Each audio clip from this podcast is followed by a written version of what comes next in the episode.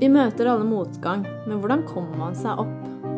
Podkasten Utvikling gir deg de historiene og verktøyene for at frykt skal bli til mot, fortvilelse blir til glede, og motgang blir til mestring.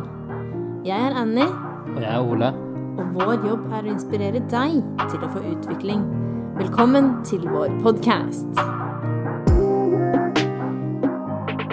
I denne episoden snakker vi med Alexander Rollerud. Han er en av Norges mest erfarne personlige trenere. Han har en bachelor i idrettsvitenskap fra NIH og en rekke andre sertifiseringer innenfor trening. Han er foreleser for AFPT og er utdannet NLP-coach hos NotYet. Han har jobbet med privatpersoner, næringslivet og toppidrettsutøvere. Vi snakker i dag om mentaltrening og hvordan man kan styre tilstand og finne ut hvor du vil og hvorfor du vil det. Slik at du til slutt nå får de resultatene du ønsker. Vi kommer også til å snakke om hvorfor coaching kanskje er den verdens beste jobb, for oss. Og litt hvor, hvordan han kom inn i mental treningssporet. Ja, han, har, han er uten tvil den eh, beste coachen jeg noen gang har hatt. Han har hatt så stor innvirkningskraft på den retningen jeg har tatt nå. Altså, vi har startet podkast, liksom. Og jeg føler at jeg er på et veldig bra stadie i livet nå. Og jeg bruker det også, mye av de teknikkene jeg lærte, til egne kunder også. Mm. Let's go. Ja, nå har det snart vært eh, to måneder med korona. Det går fint, det. Det har vært veldig morsomt egentlig med korona, hvis jeg tenker på hva vi har fått til. Ja, vi har startet podkast. Ja. Det var, eh, det var kjempegøy, og nå skal vi snakke med deg, Aleksander. Velkommen til oss. Jo, tusen takk. Du har jo vært eh, foreleseren til oss begge. Du jobber på AFPT, hvor vi tok utdannelsen vår. Og blir kjent med deg fra talerstolen, men nå er det du som skal grilles. Så er rollene bytta, ser jeg. Du har jo vært PT i ganske mange år. Hvor mange år er det nå? Jeg begynte som PT i 2006, så det begynner å bli noen år siden. Og hvordan eh, starta interessen for eh, aktivitet og idrett og trening, egentlig? Hvis du går helt tilbake? Trening har alltid vært en del av livet mitt, og aktivitet. eh, Og det var eh, fotball først. Så jeg var fire år når eh, mamma tok meg på fotballtrening. Da ble jeg plassert i forsvar. Fikk beskjed av treneren om at som midtstopper så skal du ta med deg ballen til midtbanen. Så jeg tok med ballen til midtbanen, la den dø og løp tilbake. Så det var ikke noe umiddelbar suksess. Men jeg holdt på med fotball egentlig fram til jeg var 19 og dro militæret. Så har jeg drevet litt med sportsdans. Oi. Dansa pardans. I- Og konkurrert i noen år. Oi, det visste jeg ikke. Hva slags dans da? Sportsdans. Typisk dansen du ser på Skal vi danse. Å ja, Ja. kult. Det er kult. Kjæresten gjør det. Ja. Hun gjør det, ja. Hun, hun drev med det selv. ja. Så det var også noen år. Og så eh, ble det jo sånn som mange gutter at styrketreninga begynte å ta over når jeg ble sånn 16-17 år. Da var det Baywatch og store muskler som sto på planen. Det er ikke noe som stikker under stol, det. Så det ble vel litt sånn altoppslukende en periode. eh, Og kanskje litt mer enn hva som nødvendigvis er sunt. Men eh, det var på en måte en naturlig gang videre, da. Fordi jeg var en liten sped gutt, og jeg var lav av vekst ganske lenge. Så jeg var mye svakere enn mange andre på fotballbanen. eh, Noe som jeg tok igjen fordi jeg var rask, da. Men med styrketrening så merka jeg det at jeg kunne ha progresjon på styrke da, og størrelse i tillegg. Og så gikk det da fra å skulle bruke på fotballbanen til å bruke det i speilet, egentlig. Ja. Ja. For du har jo tatt litt forskjellige utdannelser også, så hvordan gikk veien? Hva fant ut, hvordan fant du ut hvor du skulle studere og komme på den banen der? Du har tenkt mye egentlig på hvordan jeg endte opp med det jeg driver med. eh, For det har vært en ganske sånn lineær vei, føler jeg. Så fra, fra ungdomsskolen så gikk jeg på idrettslinja. Fra idrettslinja så gikk jeg i Forsvaret og tjenestegjorde som idrettsinstruktør. Og fra det så søkte jeg idrettshøyskolen. Eh, Og da fikk jeg jobb på et treningssenter som treningsveileder. Og i løpet av de tre årene på idrettshøyskolen så tok jeg PT-utdannelsen min der. Og da fikk jeg også jobb som PT på samme senter jeg jobba på som veileder. Og så blei den veien til. Og så hadde jeg som sikkert mange andre planer om å ta en master når jeg var ferdig med bachelor, men da syntes jeg det var så gøy å jobbe som PT, så da fortsatte jeg. Og hoppa av toget og fant liksom med en gang hva man ville. Ja, jeg fant veldig plassen min, da. Eh, Og igjen, så skal jeg være 100% ærlig, så, så syns jeg vel den jobben som PT var morsom i starten, fordi jeg ble sett for noe jeg var dyktig i å gjøre. Så jeg følte at nå får jeg vise meg fram på noe jeg er dyktig i å gjøre, og så tjente jeg penger på det. Og så er det en del historier med en del kunder jeg har hatt opp gjennom årene, som har endra det synspunktet fra da å bli sett til å hjelpe andre mennesker, da. Ja, hvordan da? En, det er en, har en spesiell historie som, eh, som jeg ofte forteller til, eh, til, de som jeg har som studenter også. Og det er en kunde som, eh, som jeg fikk når jeg hadde jobba i to år som PT. Hun var 50 år og en dame som var veldig stressa. Det viste seg etter hvert, da jeg fikk hele historien hennes, at det var pga. En, en avdød mann som hadde dødd under en operasjon på sykehuset. Og hun var i rettssak om skyldspørsmål hvem som var skyld i mannens død. Da. Så en dag kom hun på trening, og så stiller man jo spørsmål som man gjør som PT når man møter mennesker. Eh, hvordan går det med deg? Og hun sier det går bra. Og så ser man jo da på hele kroppsspråket at uh, her er det noe som ikke stemmer. Så da bruker jeg en unnskyldning om at vi skal se litt på treningsprogrammet hennes. Tar henne med inn på PT-kontoret, så setter vi oss ned. Og så spør jeg henne en gang til hvordan går det egentlig med deg? Og da begynner hun å gråte. Og så forteller hun meg at hun er lagt inn på psykiatrisk fordi hun er suicidal.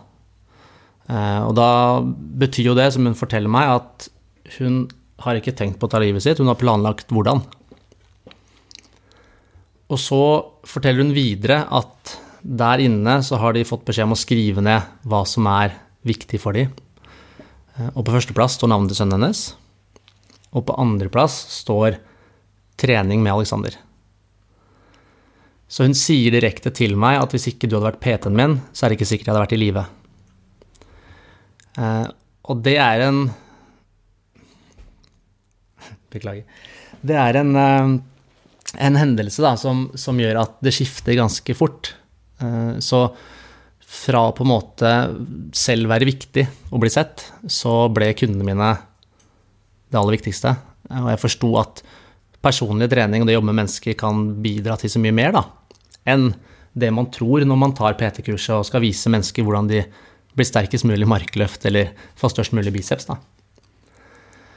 Så det er vel vendepunktet der. Eh, og gjorde vel at kall det interessen for det vi skal snakke litt om i dag, også ble vekt enda mer, da. Du ble litt interessert i det med mentaltrening, da, for det er ikke noe tvil om at man må jobbe mentalt når det er så forankra og det som kommer frem der, da.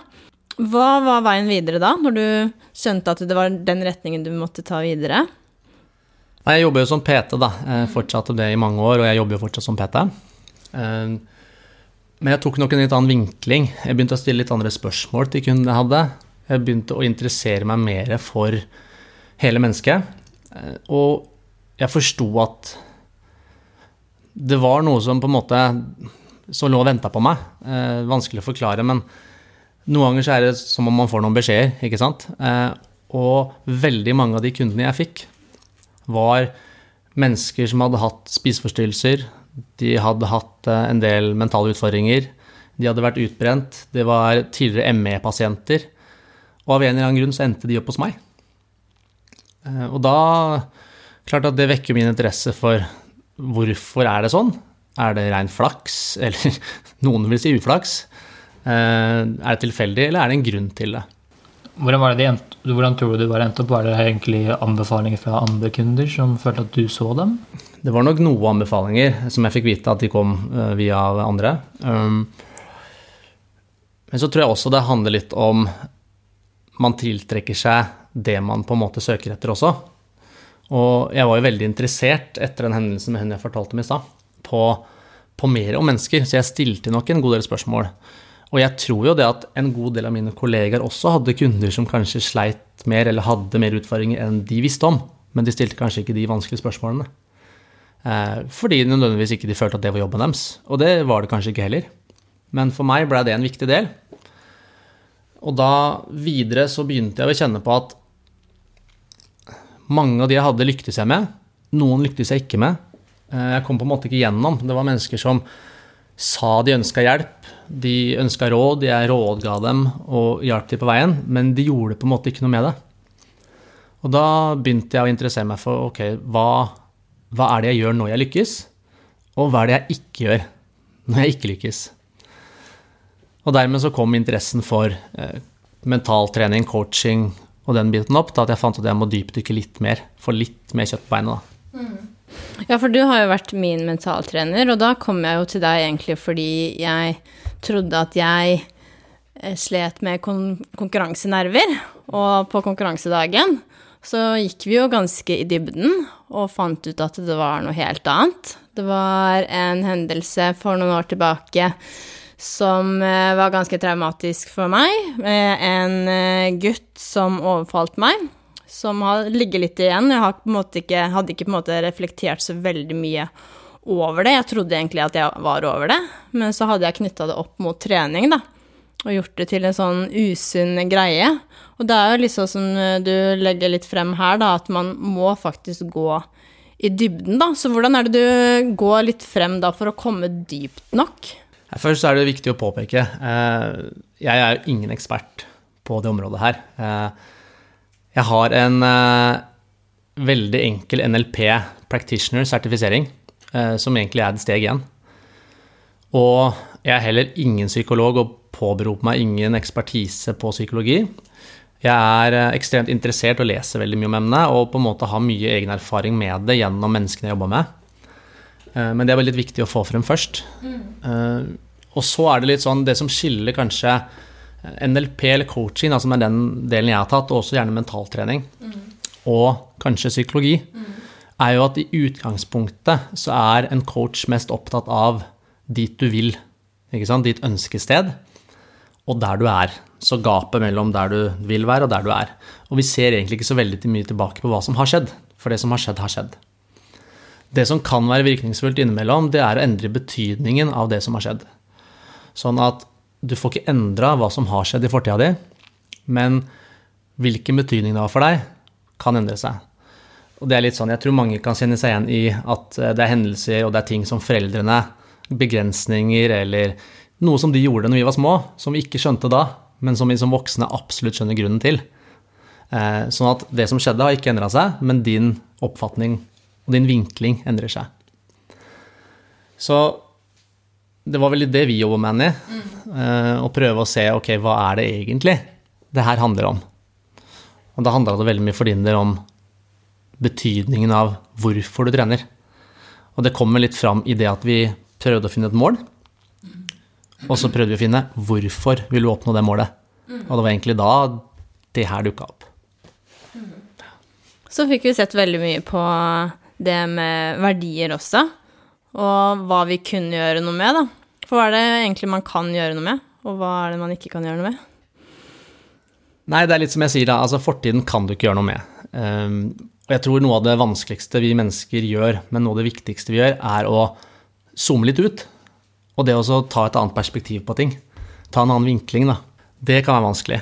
Men det tror jeg er noe av det viktigste vi gjør for å nettopp endre betydning. Uh, og det handler veldig mye om fokus. For det vi jobber med, og som jeg jobber veldig mye med andre, eh, handler også om tilstand. Og det er hvilken tilstand man er i, hvordan man føler seg når man gjør noe. Og der igjen så tror jeg alle har kjent på at eh, er du glad, og du er fornøyd, og du på en måte ting rundt deg er veldig bra, så håndterer du kanskje en dårlig beskjed mye bedre enn hvis du allerede føler deg langt nede. Da skal det veldig lite til før du tipper over, og så går hele verden i grus. da. Fokus er én måte vi kan styre tilstand på. Og en måte jeg pleier å beskrive det på, det er litt sånn hvis vi nå tar en liten øvelse, og så ser vi rundt oss i det rommet vi sitter her nå, eh, noe som var et hus, men som nå har blitt et lydstudio. Så eh, hvis jeg ber dere nå om å se etter alt som er grønt i det rommet her, og vi titter rundt oss og prøver virkelig å fokusere på hva er det som er grønt.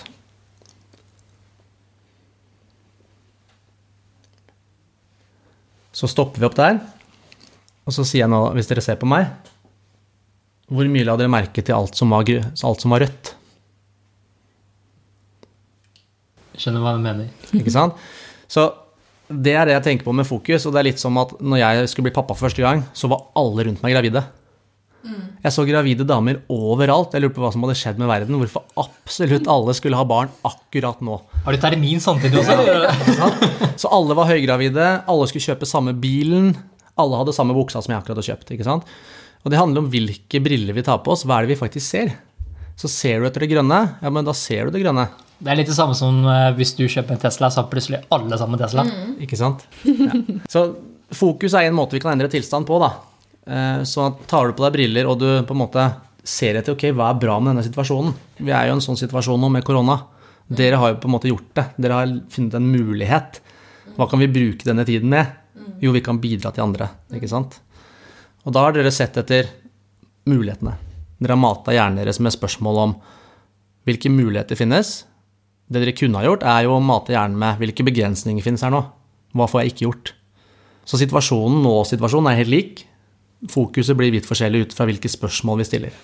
Det tror jeg også er en veldig fin tanke med Jeg jeg bare kommer litt tilbake til kundene mine, og da tenker jeg veldig mye på at siden jeg sender melding til dem og maser 'Hvordan har det gått med treningen?' 'Hva har du tenkt å gjøre med treningen?' Og jeg prøver å få, få det i gang igjen, da. Og da kan det hende at det også hjelper dem med å se på hva er mulighetene jeg kan skape, i stedet for hva er begrensningene jeg kan skape. Og noe som jeg sitter igjen med etter eh, coaching med deg også, var jo det du sa med eh, my business, your business og God's business.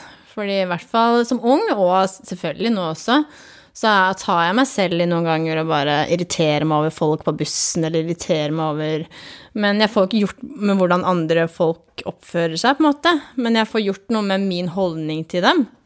Ikke sant?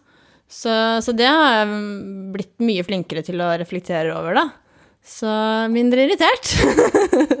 så det er ganske morsomt å, å se hvordan man kan styre tankene sine når det kommer litt sånn stressmomenter uh, ja, plutselig, da. Jeg skal ikke påberope meg æren på det. Altså det var, eh, jeg var i Sverige og så en eksepsjonell dyktig foredragsholder og coach som heter Kjell Enhager, som har jobba med dette her i, i 40 år. Og uh, han hadde stjålet fra en annen igjen.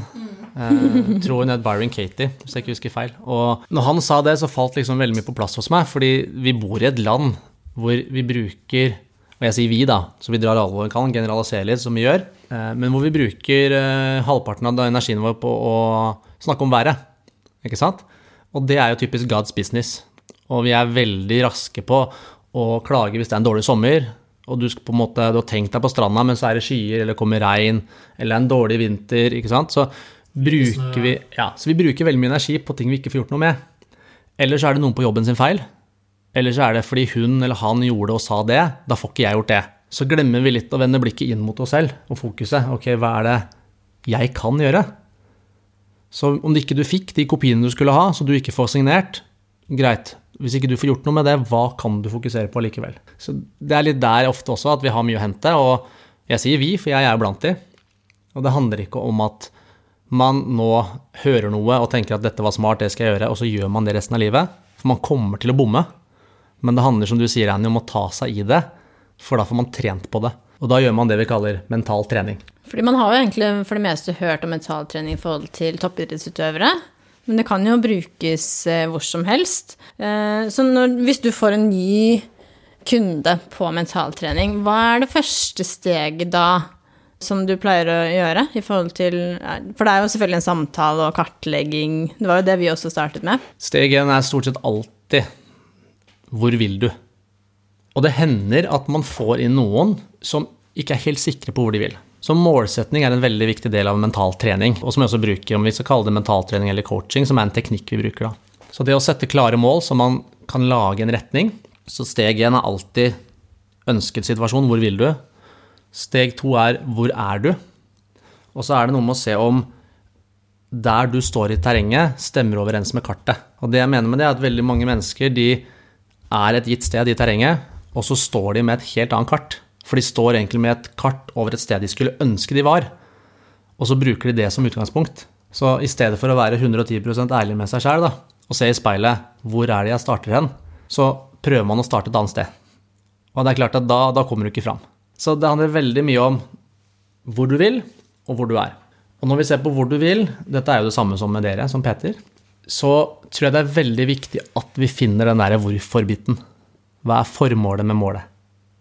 Ikke sant? Så om du har da en PT-kunde, for å ta det eksempelet, som vil ned i vekt, så hvorfor vil du ned i vekt? Et eksempel her er en kunde som jeg hadde, og dette var egentlig en PT-kunde, men hvor vi sitter i første samtale, og For meg så er det ikke så viktig om en person kommer til meg som PT eller mentaltrener, coach, kall det hva du vil. Starten er ganske lik. Og da jobber vi med hvorfor, for dette var en person som sier til meg at eh, nei, hun, eh, hun ville ned i vekt. Og så stiller jeg spørsmålet ja, hva innebærer det for deg når du har gått ned i vekt, hva er annerledes? Nei, da var hun ganske sikker på at da hadde hun det bedre med seg selv. Ja, hvorfor er det annerledes? Hvorfor har du det bedre med deg selv når du har gått ned i vekt? Jo, for da, da var hun noe tynnere, da så hun bedre ut, og da var hun ganske sikker på det. Og så stilte jeg spørsmålet har du gått ned i vekt før. Ja, sa hun. Så du har veid mindre før? Ja. Var du lykkeligere da? Nei. Ok, så hva gjør at du tror at det er den vektnedgangen som skal gjøre deg lykkelig? Og da kom det fram til at det handla ikke så veldig mye om å gå ned i vekt, det handla egentlig om mestringsfølelsen av å få til regelmessig trening fordi hun hadde satt det som mål. Og ofte så, så bommer vi litt der, at vi ikke kanskje tør å stille disse spørsmålene med hvorfor. Et annet eksempel jeg har, er en, en mann som jeg hadde, som sa ganske tydelig og klart ifra til meg at han ville ned i fettprosent, opp i muskelmasse. Jeg stiller samme spørsmål. Hva innebærer det for deg? Hvorfor ønsker du det? I løpet av den samtalen så kommer det fram til at det er kjæresten hans som har kjøpt PT-time til han, har sagt til han at når du har drevet med styrketrening et år, du burde vel nå hatt mer muskler og mindre fett på kroppen. Derfor sa han det til meg. Så sa jeg hva ønsker du? Jeg ønsker å bli en sterkere, mer funksjonell pappa. Men hadde jeg ikke stilt de spørsmålene, da hadde jeg jo da lagd et treningsprogram og fulgt han opp og sagt at målet ditt er mer muskler, mindre fett. Det er det vi fokuserer på. Da er spørsmålet hvor bærekraftig hadde det vært over tid, når han egentlig ikke ønsker det. Så finn formålet med målet tror jeg er en veldig god nøkkel for at folk skal fortsette å gjøre det. Dere har jo en grunn til hvorfor dere driver podkasten. Du kan godt se hvordan det kan eh, spille inn. for eh, Hvis du får en kunde som sier 'jeg har lyst til å gå ned i fettprosent og opp i muskelmasse', så sitter man kanskje noen ganger og tenker 'å, det, det, er litt spennende'. For det, det er liksom det du, mange leser om og liksom er liksom nerder på da, når det kommer til Peter, i hvert fall. Og da tror jeg det er lurt å kanskje ta et strekk tilbake og er det virkelig hva du vil? da? Istedenfor å bare tro at ok, hvis det er det du sier, så det er det, det du skal få. Ja, som du sier, så er det noen som ikke har helt sånn klar retning på hvor de vil, og har veldig mye sånn indre uro. Og ja, det kompasset er ødelagt og alt, ikke sant. Hva, vil, hva, har du å si til de, egentlig? Hva, er det noen sånne spesielle teknikker du bruker for at de skal finne sin retning? For man må jo gå litt i dybden for å finne ut hva de egentlig vil. Ja. Jeg tror i hvert fall at det vi kanskje kan bli flinkere på der, er å ta mye mindre steg. Dele det opp i mye, mye mindre steg. Så jeg tror veldig mange har en eller annen viss formening om hva de ønsker å ha, men fordi det blir enten for vagt, eller så blir det for far-fetched, det blir for langt unna, og derfor så klarer de ikke å ta et steg engang. Så det å på en måte finne ut ok, hva er det minste steget jeg kan ta i retning noe av det jeg ønsker, som jeg kan gjøre her og nå, som jeg kan starte med akkurat nå. For det det gjør, det er at det gir en mestringsfølelse av å klare å ta det steget. Det i seg selv, ikke sant, det å mestre en handling, det er det som er paradokset, at vi venter på motivasjon for å gjøre en handling, men så trenger vi gjøre en handling for å skape motivasjon. Noen ganger kan den handlingen være mentalt i hodet, at du tenker noe, visualiserer noe, og så blir du motivert. Mens veldig ofte så må du gjøre en fysisk handling som du på en måte kan sjekke av, og så blir du motivert fordi du har kjent på en mestring. Da kjenner vi på dette mestringssystemet da, som vi har, belønningssystemet. Så det å på en måte lage skrittet så lite som mulig Jeg har eh, en, en kunde som jeg hadde mentaltrening, men som eh, vi endte opp egentlig å jobbe med, med trening. da. Han kom til meg som mentaltrener. Han har en PT fra før. Eh, en veldig dyktig PT, men som tok kontakt med meg for på en måte klare å ta steget videre. Og det vi starta med da, det var at han skulle sette seg på ergometersykkelen hjemme og han skulle sykle to minutter om dagen. Det var det han fikk av meg. Og han ble litt overraska av at jeg som trener sier at han skal sykle to minutter om dagen. For det har jo egentlig ingenting for seg når det kommer til treningsresultatene. Ikke sant? Og i hvert fall ikke når målet hans er å gå ned i vekt. Men ved å sykle to minutter så syntes han ofte at to minutter var for kort, fordi at sangene han hørte på, varte ofte lenger. Eller så varte episoden han skulle se på Netflix, varte gjerne en halvtime. Så han endte jo veldig ofte opp med å sykle mye lenger enn to minutter. Men når han sto opp, hadde dårlig tid, stressa, sliten, trøtt, og visste at han kun hadde to minutter han skulle sette seg på sykkelen, så var avstanden til den sykkelen veldig liten, og veldig mye lettere for han å ta det steget. Men da blei det ofte at han satt mye lenger, da. Selv de dagene han var stressa? Noen ganger så satt han to minutter, andre ganger satt han en time. Men jeg tror at vi skal bare lage steget mye mindre. Det var bare selve at han gjorde handlingen som fikk det til å bli bedre, en mer vane da, enn det han tenkte. Ikke sant? Det er en vane, pluss at det er ikke tungt. Hvis du nå våkner og er trøtt, så klarer du alltid å sitte to minutter på en sykkel. Så største, det største skrittet du tar sant, i en trapp, den første trinnet, er alltid det høyeste. Og når du først kommer i gang, så er det lettere, for du skaper et moment. Det er litt nesten sånn hvis du ser i fysikken, da, så har du moment, og hvis du skal få i gang et objekt, så kreves det alltid mer energi enn å holde det i gang. Sånn, så du kan se når du begynner å dra noe, når du skal dytte bilen og du skal få den i gang. Tyngre å ta den, men når du først begynner å rulle, går det lettere. Det er jo akkurat sånn. Eh, Vi jobbet jo litt med å se på verdier også, når vi jobbet sammen. Og hvordan jobber du med verdier når du skal finne det? For det er jo litt med balanse på de tingene som er ellers i livet også. Jeg syns verdier er jo veldig spennende da, å, å jobbe med. Eh, og litt sånn som vi gjorde det, så jobba vi jo først da ved at jeg stilte deg spørsmål hva er viktig for deg. Og klart Verdier kan bli litt sånn vagt for mange, eh, så jeg tror det å bare spørre hva er det som er viktig for deg i livet ditt. Og da kommer jo svar alt ifra trygghet, det kan være eh, utvikling, ref. utviklingspodden. Det kan være mange andre ting som, eh, som folk ser på som viktig. Det kan være økonomi for mange, osv. Og så kan det være ulike verdier som kanskje stikker seg fram privat, eh, og da f.eks. på jobb. Da. Så det kan være forskjellig. Og er, ofte så tar man gjerne for seg et, en arena i livet, da. Om det er si at vi tar jobb, eller om vi tar privat osv. Men mange ganger så vil man se at grunnverdiene på en måte går litt igjen. Det er viktig uansett. Da. Og da det handler det først om språket, lingvistikken. Det å stille spørsmål om hva er viktig. Og hvis man ikke får noen svar, kanskje man stiller spørsmål på en annen måte. Ikke sant? Og så skrev vi jo ned verdiene våre med dine ord, det du sa. Og det vi gjorde da, var å legge det ned sånn at du fikk se det du hadde sagt. For da får vi brukt synet vårt. Ikke sant? For vi er veldig forskjellige som mennesker på hvilke sanser vi bruker når det kommer til det å oppfatte ting. Og når du fikk se det, så skulle du rangere det. Hva er viktigst? Og da satt, det vi gjorde da, er at vi satte de opp mot hverandre, husker du det? Så i stedet for da å si at kan du rangere fra 1 til 10, eller om det var 8 eller 6 verdier vi hadde, så satte vi de opp mot hverandre, så fikk du da se er utvikling eller er trygghet viktigst for deg. Ikke sant? Og så videre. Og så fikk vi det, og så gjorde vi en rangering til slutt hvor jeg leste opp verdier mot hverandre, så du fikk bare høre. Så vi fikk brukt hørsel i tillegg for å se om det stemte. Og hvis jeg husker riktig, så tror jeg det stemte ganske greit med det du hadde sett. Men hos andre så kan det være at den rekkefølgen endrer seg når de hører ordet igjen. Blir gjenfortalt. Og det verdier gjør, er jo på en måte å lage en litt sånn ramme for oss når vi skal ta valg, da. Så hvis du nå står i en situasjon hvor f.eks. at du er usikker på hva du skal gjøre med jobb eh, pga. situasjonen i dag eller andre ting, så kan det være veldig greit å vite hva er det som er viktig for meg i livet. Hva er det jeg får oppfylt?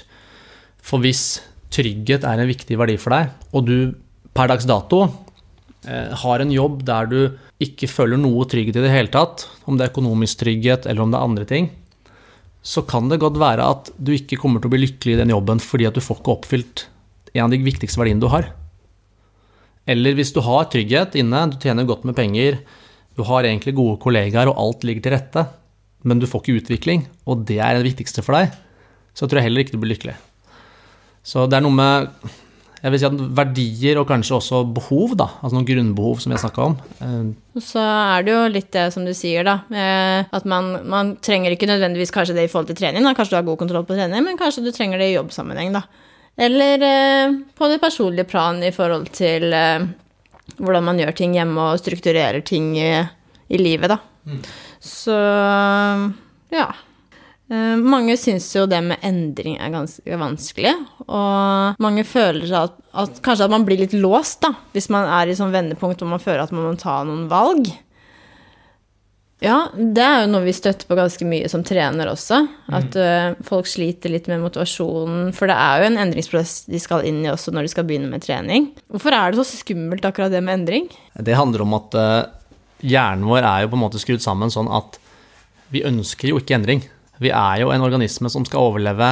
Eh, banalt sagt skal vi forplante oss, overleve og forplante oss. Så vi fører arten videre. Og det er klart, det å endre noe, det krever energi. Så det er jo derfor at vi stort sett så tenker vi veldig med de samme tankene som vi tenkte i går. Vi har et syn på oss at vi er veldig unike, og vi utvikler og tenker nye ting, og vi gjør det også, men veldig mye av det vi gjør i dag, er det samme som det vi gjorde i går. Vi tenker det samme, vi tar den samme ruta fra bussen på vei hjem. Vi gjør ting på autopilot fordi at det sparer oss for energi. Det er jo egentlig ganske enkelt også, da, for at uh, hvis du tenker på hva vi skal gjøre, akkurat som du sier vi skal reprodusere sånt nå, da er det ikke hva som er best, hva som er bra nok. Og er det bra nok, så går det liksom greit, og da kan man liksom ikke gjøre det. Men da igjen, da, da vil du jo fortsette å gjøre de samme tingene hele tiden. Og hvis det er bedre du vil bli, så kan du ikke bare gjøre noe som er bra nok. Da må man kanskje ta noen andre valg også. Ja, det er litt sånn at hvis du vil ha noe annet, så må du gjøre noe annet. Og det kommer veldig sjelden uten smerte, for å kalle det det. Og det tror jeg er greit at man er klar over at vi som, som trenere, mentaltrenere, personlige trenere, kan være med å si og fortelle mennesker at dette her er ikke endre livet ditt på 1, 2, 3. Det handler jo faktisk om, om å endre og ta noen andre valg, og det er derfor jeg sier det med de små stegene. Noen ganger må man bryte helt med et mønster. Et eksempel som mange kjenner seg enig i, er jo et slutte å røyke eller slutte å snuse. Det er jo ikke noe som på en måte nødvendigvis er enkelt, men det finnes ganske mange som har gjort det på dagen. Og det handler litt om at hvis momentet ditt, hvis du får såpass mye tyngde der, og momentet blir stort nok, så klarer du å endre det. Og jeg har jo hatt flere kunder som har slutta å røyke osv., og, så og hvor man er nysgjerrig og stiller spørsmålet hva var det som fikk deg til å røyke? Og det er klart at Jeg hadde jo en kunde for litt siden som slutta, og hun fortalte meg at hun ville slutte. Og så stilte jeg spørsmålet ja, hvorfor skal du slutte? Og da ble hun litt satt ut, for en personlig trener skal jo ikke stille spørsmål med hvorfor. Det er klart at det skal man applaudere. Men jeg var jo interessert i hva er det som driver henne til å slutte. Nei, Det var jo selvfølgelig fordi hun visste at det ikke var bra. Ok, så hva skjer når du slutter å røyke? Jo, da sparte hun penger. Ja, men så bra, hva skal du bruke de pengene til? Nei, det visste hun ikke. Ok, så hvor mye gleder du deg til å slutte å røyke, da? Nei, det hadde hun heller ikke noe formening om, og hun hadde ikke noe, egentlig, noe assosiasjon til mer penger er lik mer glede. Så hun hadde bare smerte knytta til endringa, ikke sant? Jeg tror det handler om å bytte ut noe også, fordi at endring er smerte, og det hjernen vår ønsker, det er jo vekk fra smerte mot glede. Hjernen søker alltid nærmeste kick. Kan det også være noe av grunnen til at kanskje folk eh, prøver på å gå på en endring, og så smeller det, og så kommer de tilbake til der de er? Litt sånn ref alle nyttårsforsettene? Absolutt, absolutt. Og sånn som i det tilfellet her, så, så hadde hun ikke den gleden knytta til endringen. Men det som skjedde her, var jo at smerten ble såpass stor. Fordi når legen sa til henne at du må slutte, ellers så kommer dette til å påvirke lungene dine såpass mye ikke sant? at det, du er i ferd med å kunne utvikle lungekreft. Da slutta hun på dagen. Så jeg tror så lenge at grunnen er stor nok, da ble smerten ved å høre ordet lungekreft den var større enn smerten av å slutte å røyke. Det er også gjort forskning på det, at de finner ut at uh, vi er uh, Vi er så mye Det trenger så mye mindre negativt eh, stress for å få oss til å endre atferd enn det er og positive ting. Da. For du kan snakke om alle de positive tingene, men du gjør ikke det allikevel. Det er sånn du føler liksom at Hvis du sier til faren din at og tenk så mye bedre blir å gå på turer når du ikke veier 20 kg for mye, og lignende. Men det er sånn det, det, hjelper jo ikke, liksom. da. Men når han fikk høre fra legen at han hadde for høye blodverdier, eller han hadde kanskje litt for høy kolesterol, da begynte han å tenke, for da, var han, da ble han redd. Hva, hva har dine tanker rundt det? Jeg er helt enig, og det er litt som du sa i stad, at vi er ikke ute etter hva som er det perfekte eller optimale, vi er ute etter hva som er bra nok for å overleve og videreføre menneskearten. Og da eh, er det litt det at frykten er en sterkere driv enn gleden. Det er viktigere å overleve enn å tjene masse penger og kjøre fin bil, eller at du skal være lykkelig. Det er ikke så veldig viktig i et eh, biologisk perspektiv. Når vi tenker på hvordan utviklinga er, så er ikke det så viktig at vi er lykkelige mens vi lever. Det er viktigere at vi unngår å dø, sånn at vi kan forplante oss. Og det ligger jo igjen, ikke sant? for genetikken vår er såpass lik som det den var når vi levde i huler. Så det er jo helt logisk hvorfor det er sånn, men derfor er det så viktig at vi klarer å finne den gleden, det kicket. Og det er nok også grunnen til at mange hopper på sånne quick fix-løsninger. Fordi at det er et kjapt kick, ikke sant? Det virker som at det er, det er veldig kort vei fra smerten til glede. Et eksempel er sjokolade eller alkohol. For hvis du ligger på sofaen, du egentlig skal trene, så er det et mye raskere kick å en, uh, spise en sjokolade. Det er mye umiddelbart kick du får i kroppen, eller drikke brus eller drikke alkohol, enn det er å gå ut og trene, og så kommer belønninga etterpå, når du er ferdig å trene. Hvordan vil du prøve å harmonere de tingene med f.eks. med det harde kicket, eller den skrekken, da, eller formen for gleden? da? Hvordan ville du ha gjort det hvis du hadde teoretisk sett en kunde foran deg nå? Tenker du da i forhold til endring og det å sette i gang? Ja, endring? eh, hvordan er det du, eh, hvordan er det du frem, eh, fremhever den endringssnakken, da? Det er litt forskjellig altså, ut fra hvilken kunde man har. Ehm, Jeg kan være ganske hard, og på ingen måte sier jeg jo at min måte å jobbe på er riktig. Eh, Jeg går med en overbevisning hele tiden at jeg gjør det som skal til. At jeg tenker at jeg gjør hva som helst for å hjelpe dette mennesket. Om det er at dette mennesket hater meg her og nå, men at jeg hjelper det etterpå, så får det være. Ehm, Så noen ganger er det en mykere approach. Eh, Hvis jeg ikke kommer igjennom med det, så hender det at jeg er litt eh, hardere i spørsmålsstilling, uten å på en måte konfrontere noen. Men jeg tror nok, eh, sånn som at Annie også kan på en måte har erfart litt, at noe av det jeg kan gjøre, er eh, litt hardere, da. Rett og slett for å bryte gjennom, fordi at skal du gjennom en endring, så er det litt smertefullt. Det er samme som skal du bli sterkere i knebøy, skal du bli bedre på å løpe, så må du faktisk presse deg gjennom noen grenser. Og der er det mange som sier at de vil endre. De på en måte sier at 'jeg har ønsker', 'jeg vil dette', men de har egentlig ikke et mål. De har et ønskemål. Så de vil, men de er ikke villige til å lage en plan, gjennomføre det som skal til, og gjøre på en måte, kalle det smertefulle, da, som er å endre vaner ofte, da. Veldig mange søker etter det der svaret. Gi meg et svar nå på hva som er oppskriften. Men svaret ligger hos deg. Så det er jo det man gjør som trener og mentaltrener, å få frem de argumentene som skal underbygge alt sammen, og den prosessen man skal videre, da. Og det er jo skummelt å komme til det, fordi man har kanskje, kanskje aldri snakka om det før.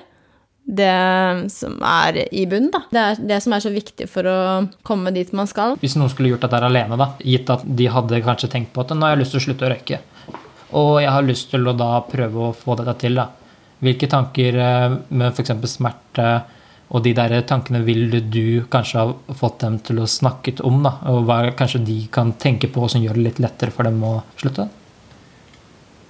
Eller som får dem til å gjøre endringen, da. Ja, jeg tror har starte vært prosessen, rett og slett. Ja, jeg tror vi har vært litt inne på det. Altså, forskjellen da mellom å på en måte coache noen og å veilede noen, eh, handler jo egentlig om at vi har jo en overbevisning om at mennesker har de ressursene de trenger i seg selv, og at de kan finne fram til en del svar selv. Som trenere så er vi ofte opplært til at vi skal veilede og fortelle mennesker hva de skal gjøre. Så det er litt som at om det er å slutte å røyke eller gå ned i vekt, så er det litt viktig å påpeke at mennesker, altså de vi jobber med, de er ikke dumme. Det sitter ikke et menneske foran deg som røyker og ikke vet at røyking ikke er bra. Det er som regel en grunn til at de er der. Ja. Så ofte så hvis vi da sitter og sier at uh, du vet at du burde slutte røyke, fordi røyking er usunt, og det kan føre til at du får uh, lungekreft osv., så, videre, så tror jeg ikke nødvendigvis at det hjelper, for det har de hørt før. Det blir det samme som å si til en overvektig at det å være overvektig, det er ikke sunt. McDonald's, det er ikke sunt å spise hver dag. Det er ingen i vårt land som ikke vet det. Sånn hva jeg tror, da. Så det handler mye mer om å, å finne, som jeg sa, finne hvorfor. Og hvis ikke de har ofte, så kan vi ikke gjøre alt for å endre mennesker. Altså mennesker må gjøre endring selv. Så hvis du har en person, og du tenker at det hadde vært smart for deg å slutte å røyke, men ikke personen vil selv, så funker det ikke. Ønsker de, så må du ofte synliggjøre Ok, så hvis ubehaget ikke fins nå, hva kan komme til å skje? Og virkelig få de til å kjenne på det ubehaget som kan komme til å skje hvis.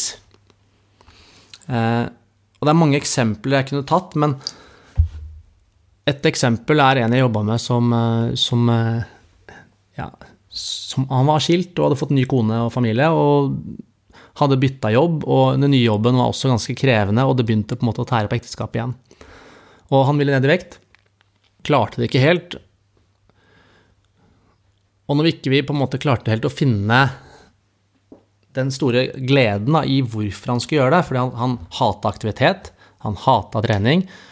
Han syntes egentlig det ikke gjorde så mye å være overvektig her og nå, men han skjønte at det ikke var så smart på sikt. Ved han så handla det veldig mye om å synliggjøre Ok, så nå sier vi det sånn at eh, du fortsetter å gjøre akkurat det du gjør i dag. Du spiser det samme, Du lever på samme måte. Du fortsetter å bli overvektig. Så sier vi om, om at noen år så veier du 15 kilo mer. Og så begynte vi å lage en tidslinje, så begynte vi å tegne opp, og så begynte vi å visualisere. Ok, hva, hva har skjedd om tre år? Når dette? Og han var ganske klar på hva som kom til å skje. Nei, da orka han ikke å leke med sønnen sin. Ok, hva slags pappa er du da? Nei, da var han en dårlig pappa. Hva slags person er du da? Og så begynte han å føle seg dårlig. Hva skjedde med ekteskapet ditt? Jo, ekteskapet hans, det hadde rakna. Ok, så hva slags person er du da når du lot ekteskap nummer to, når du har et valg i dag, og du lot ekteskap nummer to gå den veien? Og det var ganske tydelig å se på smerten han følte fysisk når vi gikk igjennom dette her og begynte å synliggjøre den smerten, hvor han sa nei, vet du hva, det her går ikke, jeg begynner å trene i morgen. Og han begynte å trene. I det små. Ikke sant? Fordi vi ikke fant den derre Det hjelper ikke for meg å sitte som trener og si du kommer til å elske trening, det kommer til å bli så fantastisk, og du kommer til å kjenne på den rusen som vi andre kjenner på. Han hadde ikke noe forhold til det, men det han kunne forholde seg til, var hva kom til å skje hvis han ikke gjorde en endring. Eh, så det handler litt om den derre være villig til å ta tak og vri om, så det gjør litt ekstra vondt noen ganger, og tørre å faktisk ta den derre Må være litt tøff, rett og slett. Ja, man må være litt tøff, og man kanskje Det er innimellom at jeg syns selv jeg kanskje er litt slem. Eh, men det er fordi at overbevisninga mi er om at jeg skal gjøre alt jeg skal til for å hjelpe mennesket. Og selvfølgelig, nå forteller jeg ingen av historiene der jeg har bomma. Fordi det er klart, man, det er ikke alltid man treffer. Men da får man prøve en annen approach. Jeg jobber jo som frivillig i Røde Kors og jobber mye med ungdom. Og jeg ser jo det at det er lettere å påvirke de enn å påvirke de som er litt eldre. Hvordan kan man jobbe liksom mentalt når man er i ung alder, hvis man er foreldre, eller eh, hvis man er ung, da? For da, da kommer man jo Man tar jo ganske livsvil, livsviktige valg når man er uh, ung, i forhold til omgivelser, miljø, uh, skole og sånne ting, da. Et veldig godt spørsmål. Og det er klart at det er så mye som påvirker oss. Jeg tror at uh, For det første så er det klart at samfunnet i dag er, og dette snakkes mye om, men samfunnet i dag er helt annerledes pga. sosiale medier. Så samfunnet er ekspandert mye større. Men igjen, en setning som på en måte går igjen, er at alt er, alt er relativt, og alt er kontekstavhengig. Og det betyr jo det at om jeg er i Norge og er på Slemdal og henger der, så kan det godt være at jeg er lut fattig. Men reiser jeg et helt annet sted i Norge eller et helt annet land, så kan det være at jeg er kjemperik. Men jeg er jo helt den samme, og på en måte min økonomi er den samme uansett. Det vil si at det er kontekstavhengig, og det er relativt. Noen ganger kan det å skåre to mål i en fotballkamp være superbra, men når du taper 10-2, så er det faktisk ganske dårlig. Så det, igjen så er det kontekstavhengig og relativt. Og dagens ungdom som vokser opp i dag, de vokser opp i på en måte, det det samfunnet de velger litt å se etter også. Og da blir normen din et gjennomsnitt av hva du ser. Ser du da bare det som er glamorøst og det som er bra, og på en måte sånne ting på sosiale medier, så er det klart at gjennomsnittet blir deretter. Så jeg tror først og fremst er det en viktig jobb for foreldre, og for oss som jobber med ungdom osv., å snakke litt om det. At hva er egentlig Hva er det på en måte verden består av? Ikke bare hva er ditt nettverk av det du ser på sosiale medier. Det tror jeg er ekstremt viktig, så man får på en måte et forhold til det. Men så virker det jo litt for meg som i dag at unge mennesker i dag faktisk er kanskje enda mer åpne og prater mye om en del ting som ikke var gjort før. Eh, så jeg vil litt ros til mange ungdommer som vokser opp i dag. At det er mye åpenhet rundt ting. Og det er klart at det åpner opp for en del mentale prosesser. At man tør å tenke litt annet, og kanskje si det høyt. Og så virker det, virker det som at det er litt mer akseptert i dag å gå litt forskjellige veier. For det er jo en ting som skal man gjøre en endring, så må man gjerne pushe gjennom noe som er ubehagelig. Og tørre å gjøre noe nytt.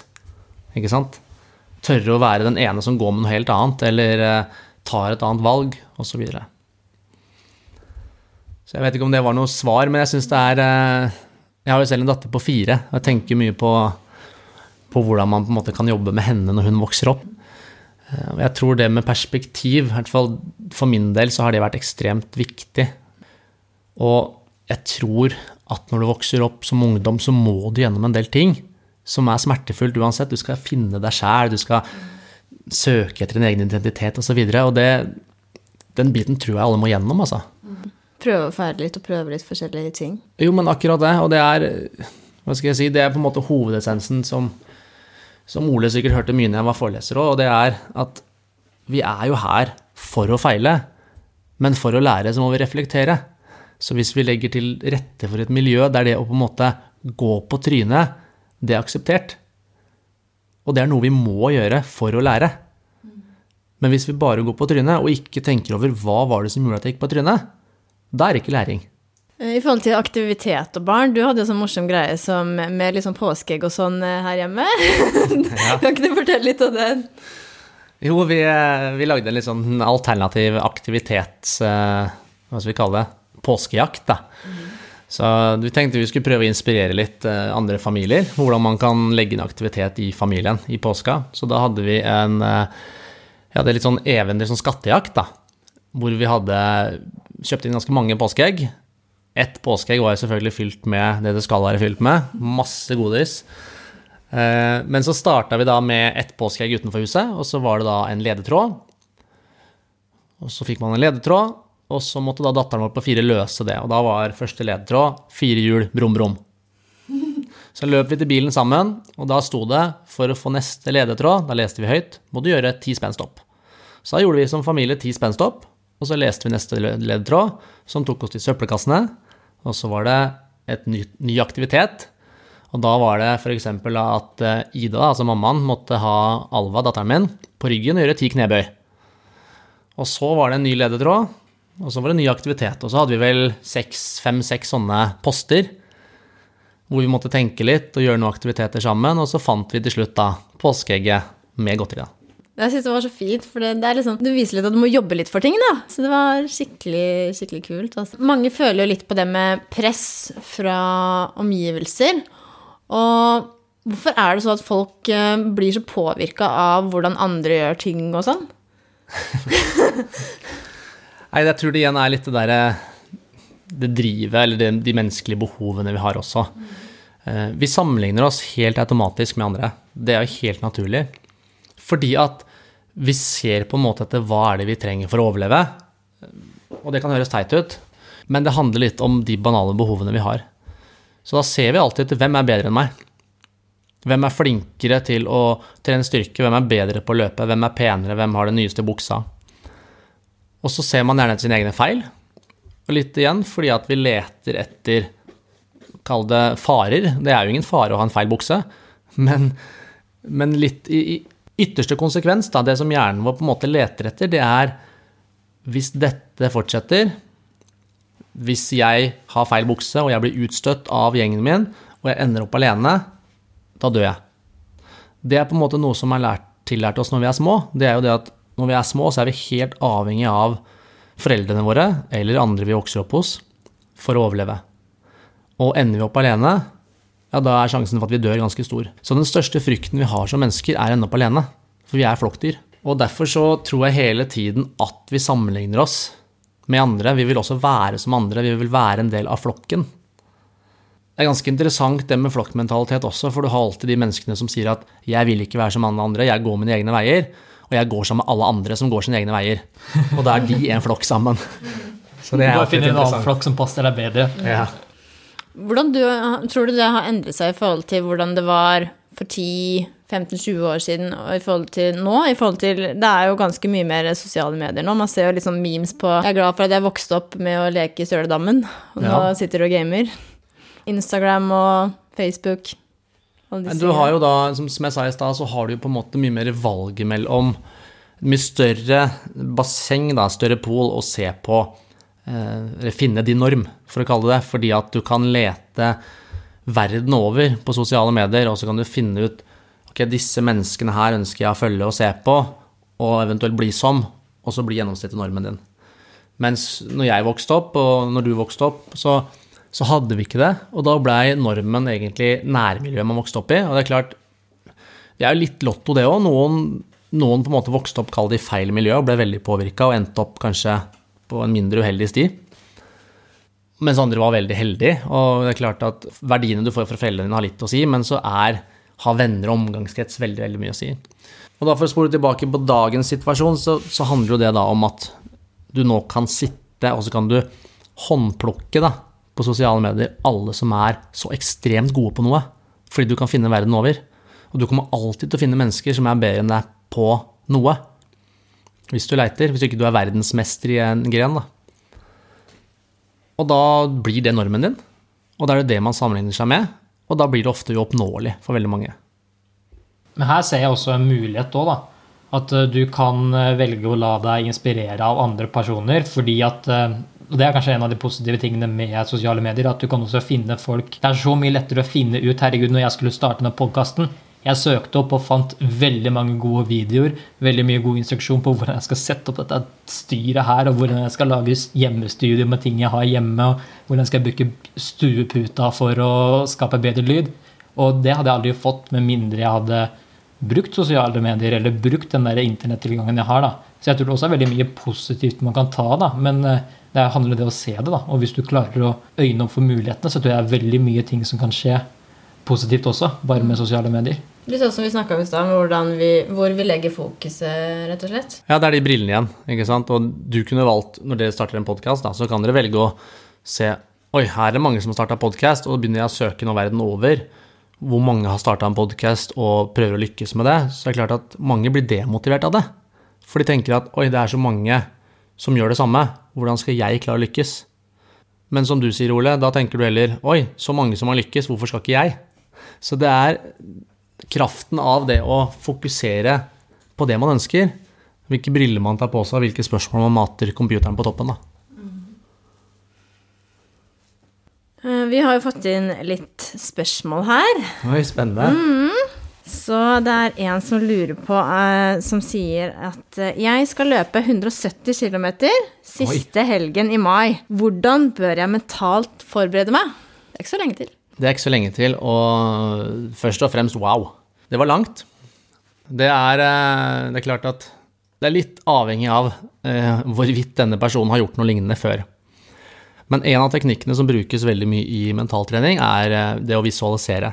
Og det å på en måte se seg selv lykkes i det man gjør, er en ekstremt viktig del. Og da kan veldig ofte det å hvis du ikke vet da, hvordan hele den løypa kommer til å være, for det er hvis ikke personen har gjort dette før, så er det en ny opplevelse. Da pleier jeg ofte å starte med slutten. At du visualiserer at du er i mål. Visualiserer den følelsen du har når du er i mål, osv. I denne casen så er det en oppgave som høres ut som det kommer til å være mye smerte, eh, og mest sannsynlig en del negativ indre dialog underveis. Så det å jobbe med den indre dialogen, kanskje ha noen triggerord Litt sånn som eh, jeg veit at vi jobba med det, Annie, når, når, du skulle delta i VM i, i OCR. Det fins jo mange måter å gjøre det på. Ja. Og det handler egentlig om å sette deg selv i riktig tilstand. Det er egentlig det det går ut på. Så Derfor så er det så viktig at forut for en konkurranse, og det er derfor vi kaller det mental trening, er jo at det må trenes på. Så det er klart, har, det hender jo at det kommer mennesker og sier 'jeg skal gjøre dette', hva må jeg gjøre? Ja, når skjer det? Nei, det skjer om en uke. Og det er litt som å si at jeg skal delta i verdensmesterskapet i styrkeløft kan du gjøre seg bli sterk i markløft om en uke. Så vi er nødt til å trene på det, fordi at det dannes nye koblinger i hjernen. Men sånn helt konkret for den personen her, så ville jeg sagt at uh, visualisere hvordan det er å komme i mål. Finne noen triggerord som gjør at du får en følelse av at du fortsetter. For noen kan det være et positivt triggerord, altså en, noe som på en måte høres positivt ut, og som på en måte er, uh, gjør deg glad. For andre kan det være å kanalisere energi gjennom egentlig sinne. Eh, og litt mer sånn en sånn aggressiv eh, framgangsmetode. Litt sånn litt det vi jobber med, egentlig. Mm. Og det er veldig forskjellig. Og jeg bruker også selv ulike metoder ut ifra hva det er jeg ønsker å oppnå når jeg trener. Så noen ganger kan det være musikk som er positivt, som på en måte gjør meg glad. Og da på en måte gir det meg energi, for jeg vil være i en glad tilstand. Andre ganger så vil jeg være forbanna, og da kanalisere energi. Skal du makse på markløft, er det greit å kanskje få litt mer trøkk i seg. Da. Så da er det kanskje ikke den der rolige musikken, den avslapningsmusikken du hører på yogaen, som hjelper det beste for noen. Nei, det er ikke så mye ukulelemusikk og sånn da. Det blir noe annet, ja. Vi har også et spørsmål til, og det tror jeg er noe vi som trenere kommer litt sånn inn på, uten at vi kanskje vet det. Jeg tør ikke å være ærlig med treneren min når jeg gjør det dårlig. Ja. Og da kommer det litt an på hva hun legger i det å gjøre det dårlig. Eh, Da kan, kanskje personen, nå sier hun, det kan være en han, men er det da, tenker vi da at det er at eh, personen ikke gjør det den skal utenom treningene, kanskje? Nei, sånn som jeg tolket det, så er det nok det at hvis man har hatt en veldig oppoverkurve, da, og så plutselig går det litt nedover fordi det er et eller annet som har skjedd, eller noe, så, vil, så later ja, det som at det fortsetter å gå oppover, da. Ok, så personen, så hvis la oss si at treningsresultatene går nedover, så, vil, så tør ikke personen å være ærlig med treneren om hvorfor. Ja. Det her handler jo litt om, kanskje om tillitsforholdet mellom kunde og trener, da, eller utøver og trener, som er ekstremt viktig. Eh, Og det tror jeg man som trener egentlig står litt ansvarlig for. Og med det mener jeg at det er ditt ansvar å legge ansvaret også over på kunden.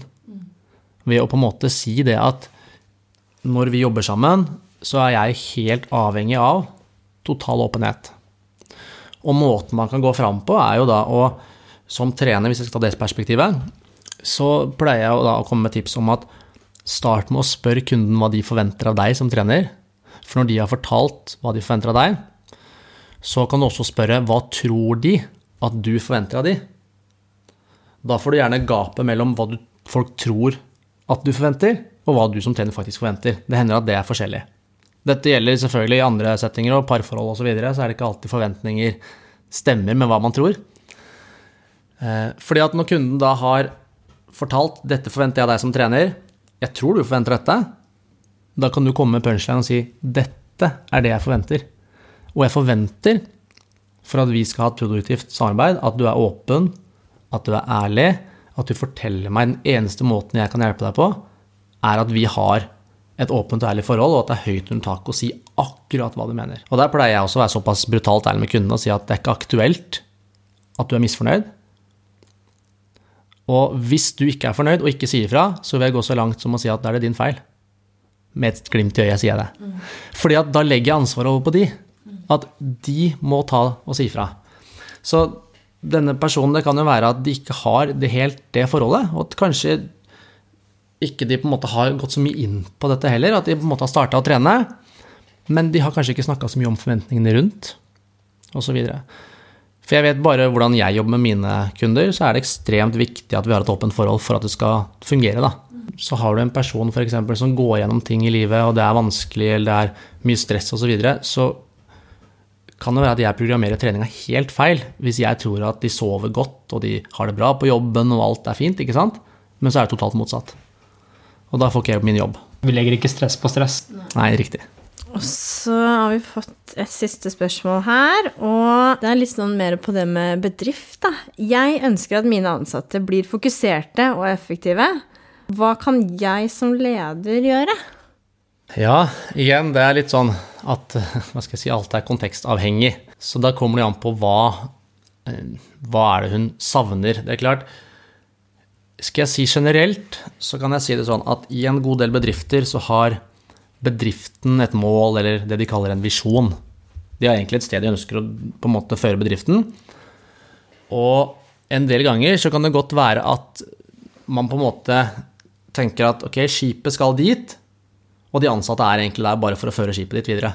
Ikke sant? Men hver ansatt har også sin grunn til hvorfor dette skipet skal gå videre. Og det å på en måte ta seg tid til å finne ut av hva er hver enkelt persons hvorfor. Et eksempel kan være om det er selgere, så har jeg vært med å coache selgere hvor på en måte de, de sier jo at de ønsker å tjene penger, men de selger ikke så veldig mye, og eneste måten de skal tjene penger på, er å selge. Og det vi fant ut noen ganger da, var at de ansatte hadde ikke knytta disse pengene opp mot noe. Ok, hva skal du bruke disse pengene til? Er han en av Manchester United-supporter? Ok. Så forestill deg nå at du er på Old Trafford, og du sitter der, og det er 75 000 mennesker rundt deg som synger sangen til laget ditt, og du får lov å være der sammen med hvem enn det måtte være, ikke sant? i dette tilfellet var det pappaen hans, da, osv., så videre, så skapte vi en følelse, et hvorfor for han. dette er hvorfor jeg skal gidde å selge sånn. Eh, For andre kan det være noe helt annet. Og det å finne den individuelle formen for hvorfor, da, kanskje innad i et team på jobben, kan være én ting som får folk til å fokusere. Og så er det jo mange tips man kan komme med når det kommer til fokus. eh, Og folk er forskjellige, men jeg kan si Et tips som jeg har plukka opp, og det er fordi at i utgangspunktet så har jeg vanskelig for å fokusere. Jeg tror jeg har noen bokstaver løpende løpsk, uten at noen har fått spesifisert hva det er. Eh, Jeg kjører noe som heter pomodoro-metoden, som eh, egentlig italiensk skal bety tomat. Men det handler om at man jobber veldig fokusert på det du skal. Og da mener jeg så fokusert at du skrur av alt rundt deg. Du på en måte blokker ut alt og omtrent forteller omverdenen at nå er jeg opptatt i 25 minutter. Det jeg gjør da, er at jeg tar på meg hettegenser og caps og headset på hodet, for da blokker jeg alt. Flight mode på telefonen legger den seg ikke i seeren. Og så er det 25 minutter med jobbing på kun én ting. Og så ringer klokka etter 25 minutter, og da er det fem minutter pålagt hvile. Uavhengig av hvor man er etter de 25 minuttene. Jeg var veldig skeptisk i starten, for jeg tenkte at hva om jeg er midt i en oppgave og må ta pause? Det jeg fant ut, var at når jeg da går tilbake etter fem minutter, så hadde det vært lettere for hjernen min å finne fokuset på der jeg var, for jeg er midt i en oppgave, enn at jeg skulle starte på noe nytt. For da vet jeg at da ofte går jeg inn på mailen og begynner å gjøre alt mulig annet rart før jeg begynner på ny oppgave. Så det blir mindre produktivt, da. Det er nesten sånn at du også kan bli for sliten. da. Etter, eh, hvis du vet at du har 25 minutter, du skal være fokusert, hardt arbeidende og jobbe på den, og så blir du kanskje ikke ferdig, så er det liksom to, minutter igjen, da, men de to minuttene drar litt av. da, så Da begynner du med sånn 'Å, jeg orker ikke mer igjen', og så begynner du å kvie deg litt. da, Men ok, og så tar du pause, og så bare sånn bom, ferdig. Oi, det var mye lettere enn jeg trodde. Ja, det kan det være. Så det, jeg vet ikke om dette er svar på hvordan du skal få de ansatte til å bli fokusert, da. Eh, For det, igjen så er det litt situasjonsavhengig. Du fokuserer litt på individene, er jo det du til syvende og sist eh, Ja, sier. og det er det som er viktig, at man ser eh, hver enkelt person og finner egentlig ut hver enkelt persons motivasjon, da. Hva, hva er grunnen? Tar seg tid til å stille noen spørsmål. Det tror jeg er viktig, at man ikke tar selskapets visjon, og så trer man den over hodet på alle ansatte og tror at alle skal være med ro. Da vil du ha noen som henger etter båten og egentlig ikke har lyst. Det er litt å finne en størrelse som passer alle, og ikke bare ta en one size fits- all og bare legge det over. Ja. Mm. Og så et siste spørsmål. Hva er utvikling for deg? Hva er utvikling for meg? Ja, det var et bra spørsmål. Mm. Blant annet det jeg gjør i dag, er utvikling. Det jeg mener med det er Jeg er ikke så mange podcaster jeg har vært med i. Det er vel andre podcasten, tror jeg, som jeg er gjest i. Så alt som på en måte er gir en ny erfaring, som, eh, og som jeg kan reflektere over hva, hva jeg har lært, eller hva jeg ikke har lært, noe som gir læring, det òg, det er utvikling for meg. Og det